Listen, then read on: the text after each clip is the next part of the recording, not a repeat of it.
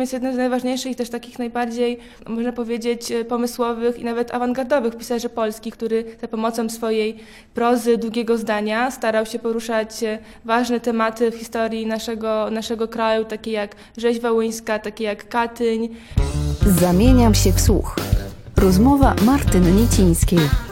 Zaprasza kulturałpodstaw.pl Jolanta Nawrot, poetka, doktorantka na Wydziale Filologii Polskiej, która pracuje także w archiwum Włodzimierza Odojewskiego na czwartym piętrze Kolegium Majus w Poznaniu i prowadzi badania nad jego twórczością i na tej podstawie pisze także pracę doktorską. Dzień dobry, wszystko się zgadza? Tak, dzień dobry, jak najbardziej. Wszystko się zgadza. Dziękuję za zaproszenie do rozmowy. Jesteśmy w miejscu chyba, o którym niewiele osób wie. I będziemy rozmawiać o pisarzu, który jest trochę zapomniany. Znajdujemy się na czwartym piętrze e, Kolegium Maju z archiwum Włodzimierza Dojewskiego e, w pokoju 414. Jest to miejsce, w którym gromadzimy e, zasoby archiwalne na temat Włodzimierza Dojewskiego. Mamy m.in. jego biblioteczkę z monachijskiej pracowni, mamy kolekcję jego audycji radiowych, które realizował Radio Wolna Europa na emigracji w Niemczech. Mamy również rękopisy i maszynopisy jego twórczości literackiej, korespondencję z pisarzami, z ludźmi kultury, na przykład z Jerzym Giedroyciem, e, ze Zbigniewem Herbertem. Ja tutaj opracowuję materiały Radia Wolna Europa, piszę pracę doktorską na temat krytyki artystycznej i publicystyki Włodzimierza Odojewskiego w latach 70., 80. i na początku lat 90., wtedy kiedy Włodzimierz Odojewski właśnie działał na emigracji i przygotowywał felietony kulturalne, był kierownikiem działu kulturalnego Radia Wolna Europa i pracę tę podjął e, właśnie w 1972 roku na prośbę Jana Nowaka Jezierańskiego, który wtedy był e, kierownikiem. W naszym e, archiwum, e, oprócz tego, że sami badamy i opracowujemy archiwalnie e, nasze zasoby, również otwieramy się na współpracę z zewnątrz, zapraszamy różnych gości związanych z Włodzimierzem Odojewskim. Ostatnio gościliśmy córkę pisarza Katarzynę Odojewską. Której zdjęcie tutaj widzimy na biurku. Tak, przyjechała do nas z Francji i mogła podzielić się wspomnieniami o swoim ojcu, co było dla nas bardzo cenne. Także niedawno gościliśmy Jarosława Abramowa-Newerlego, który e, był przyjacielem Odojewskiego. Mogliśmy, mieliśmy okazję właśnie poznać e, jego, jego przyjaciela, podpytać go także różne szczegóły biograficzne, my staramy się tutaj w archiwum również opracować w taki sposób kompletny biografię pisarza e, i do tego się przymierzamy. E, oprócz tego przygotowujemy konferencję o pisarzu. Teraz już przygotowujemy się do trzeciej konferencji naukowej. Będzie to konferencja naukowa na temat Włodzimierza Odejewskiego w takim kontekście autobiograficznym, autotematycznym i publicystycznym. Czyli staramy się także poszerzać zakres badań. E, o Odejewskim powstało dużo E, opracowań monograficznych, jednakże ta działalność jego dziennikarska jeszcze nie jest do końca zbadana. Tak? Badacze się na razie skupiają przede wszystkim na jego twórczości e, literackiej. E, I oczywiście zapraszamy do archiwum. Tutaj też współpracujemy ze studentami. Coraz bardziej to grono naszych współpracowników się poszerza. Powiedziałaś o jednej ścianie archiwum, na której są właśnie materiały archiwalne, książki, dokumenty, teczki, a druga strona to są pamiątki, artefakty, biurko pisarza, jego maszyna do pisania, laptop. E, tak, właśnie specjalnie to archiwum takie jest pomyślane, ponieważ z jednej strony naszym, naszym celem są badania naukowe, ale także chcemy upamiętnić pisarza e, i, e, stworzyć takie wrażenie pracowni pisarskiej. Dlatego mamy biurko, mamy jego maszynę do pisania, komputer, mamy kolekcję e, jego zdjęć, zdjęć jego rodziny. Siostra pisarza, pani Maria Korda, która mieszka tutaj w Poznaniu, udostępniła nam swoje albumy zdjęć. No i warto to podkreślić właśnie, że Włodzimierz Odojewski jest związany z Poznaniem. On urodził się w Poznaniu w 1930 1930 roku i na początku mieszkał e, przy ulicy Żupańskiego na Wildzie w Poznaniu. Tutaj też studiował ekonomię i socjologię.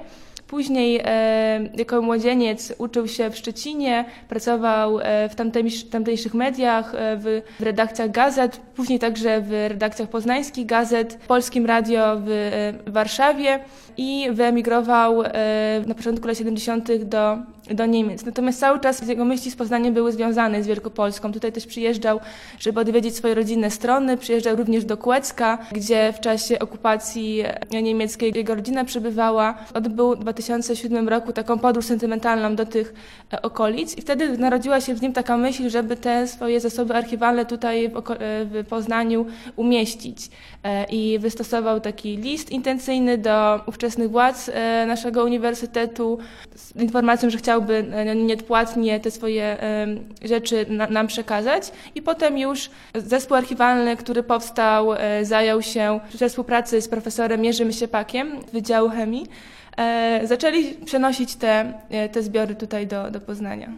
Kiedy przygotowałam się do naszej rozmowy, to czytałam o Włodzimierzu Odojewskim jako jednym z najważniejszych e, pisarzy polskich XX wieku, urodzonym w Poznaniu, a mimo to myślę, że jeżeli byśmy zapytali osoby przechadzające się chociażby ulicą Fredry o najbardziej znanych poznaniaków, no to Włodzimierz Odojewski mógłby się w takiej małej próbce pytanych nie pojawić. Jak myślisz, z czego to wynika? Być może wpływa na, to, na ten jego spadek popularności to, że jednak był odcięty od kraju, a później e, na początku XXI wieku była taka afera związana z Odojewskim, e, związana z jego rzekomą współpracą ze służbami bezpieczeństwa i e, być może niektórzy trochę z tego powodu zrazili się do postaci, do, do postaci Odojewskiego. Jeśli chodzi o szczyty jego popularności, to one przypadały na początku lat e, 90. Wtedy wychodziły kolejne jego książki, wtedy też powstawały monografie na temat Włodzimierza Odojewskiego.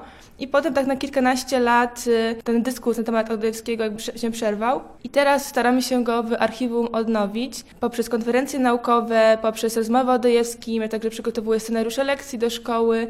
I wydaje mi się, że no, może jakoś wyleciał z tego kanonu przez, y, przez jakąś nieuwagę, przez przypadek, przez takie, takie zamieszanie polityczne wokół jego postaci, ale z pewnością jest jednym z najważniejszych i też takich najbardziej, można powiedzieć, e, pomysłowych i nawet awangardowych pisarzy polskich, który za pomocą swojej prozy, długiego zdania starał się poruszać e, ważne tematy w historii naszego, naszego kraju, takie jak rzeź wołyńska, takie jak Katyń e, i także również takie tematy egzystencjalne dotyczące każdego człowieka. Wydaje mi się, że po prostu trzeba starać się, żeby tych pisarzy, którzy przez pewien czas zostali jakoś zepchnięci na, na margines dyskursu, e, starać się przywrócić znowu. Mhm. A ciebie co fascynuje w tej postaci? Do czego poświęcasz mu czas? Piszesz o nim pracę doktorską? Ja jestem oczywiście zachwycona mm, jego prozą e, ze względów estetycznych, także to jak łączy tą e, tematykę historyczną z tematyką taką właśnie egzystencjalną. Ponieważ on pokazuje, w jaki sposób e, człowiek wrzucony w wir historii e, się zachowuje, jak się próbuje w tej historii odnaleźć. I mnie także interesuje ta warstwa właśnie dziennikarska jego twórczości.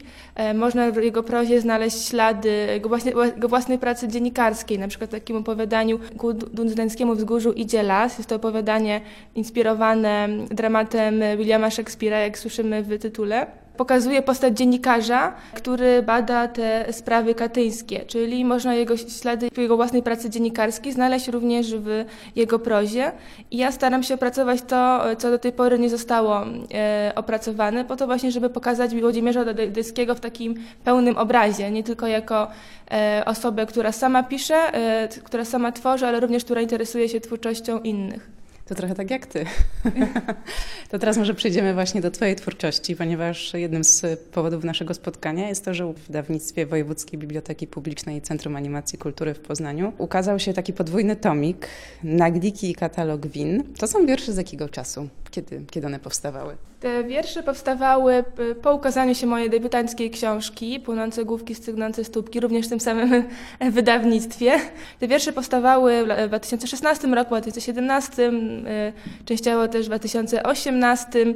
I w tym czasie udało mi się uzyskać stypendium artystyczne miasta Poznania i wspólnie z wydawcą e, Mariuszem Grzybalskim stwierdziliśmy, że cieka- dobrze byłoby wydać to, to podwójnie. Ze względu na to, że te tomiki e, dialogują ze sobą, można jakieś powiązania znaleźć i, e, i też pojawia się tam taka postać literacka, mój alter ego Yeti, Maria Magdalena, taki ten świat cały mój wykrowany, który e, oba te, obydwa te tomiki łączy. Wcześniej już wydawnictwo wydało też taki tomik na zasadzie odwrotki Szczepana e, Kopyta i stwierdziliśmy, że to będzie taka cieka- ciekawa forma wydawnicza, e, możliwość e, jednoczesnej lektury tych dwóch tomików, także czytelnik może sobie zdecydować, który tomik czyta pierwszy, który drugi e, i znajdować powiązania ze sobą, więc wydaje mi się, że taki nowy sposób lektury. E, A poza tym ja już długo byłam nieobecna na tym rynku wydawniczym i przy te dwa, dwa tomiki powstały jeszcze mam e, w zanadrzu czwarty i pracuję nad piątym, no więc stwierdziłam, że to jest ten czas, żeby już z tą twórczością się podzielić, skoro mam już kolejne tomiki. Nie chciałam tego tak bardzo odwlekać w czasie. Mhm. I w jakich okolicznościach powstawały te wiersze, które znalazły się w naglikach i katalogu win? No, w takich okolicznościach życia codziennego, może przy okazji, przy okazji różnych obserwacji związanych e, e, z otoczeniem, e, z tym, co się dzieje we mnie, jak się zmieniam.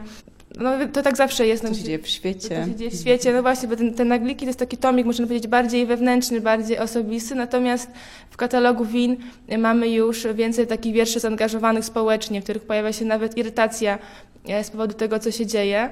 I zauważyłam właśnie, że to te tomiki różni, że jeden jest taki bardziej intymny i tutaj to pojawiają się również takie motywy e, wiejsko-miejskie, natomiast w katalogu win, jak ten też tytuł na to wskazuje, ten katalog win można różnie interpretować z jednej strony właśnie jako, jako katalog różnych przewinień, a z drugiej strony jako katalog win, czyli tych napojów alkoholowych, które wszyscy kochamy.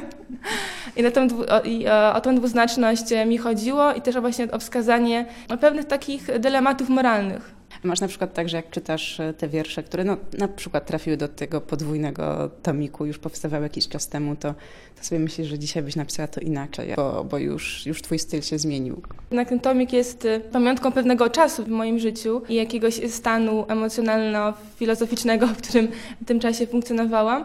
Natomiast właśnie zauważyłam taką rzecz, którą chyba bym chciała zmienić w przyszłości, że więcej optymizmu w swoich wierszach prowadzić, bo jednak w tych e, wierszach z tych dwóch tomów, zwłaszcza w katalogu win, jednak mamy dużo takiej, właśnie jak powiedziałam już, irytacji, takiego zdenerwowania, a chciałabym również pisać takie wiersze, które by po prostu były takimi epifaniami na temat e, tego, co się dzieje wokół, na temat świata i zauważyłam sama, że zbyt dużo mroku chyba jest w tych e, tomach. To życzę Ci, żeby tak się stało, żeby więcej optymizmu zawitało do Twoich wierszy i tym samym chyba do, do Twojego świata, do Twojego życia. Jeszcze na koniec jestem ciekawa, kogo Ty lubisz czytać? Czyim stylem się fascynujesz? Na kim się może trochę wzorujesz? No to jest takie pytanie, na które twórca zawsze powinien być przygotowany właśnie o, o inspirację i o autorytety.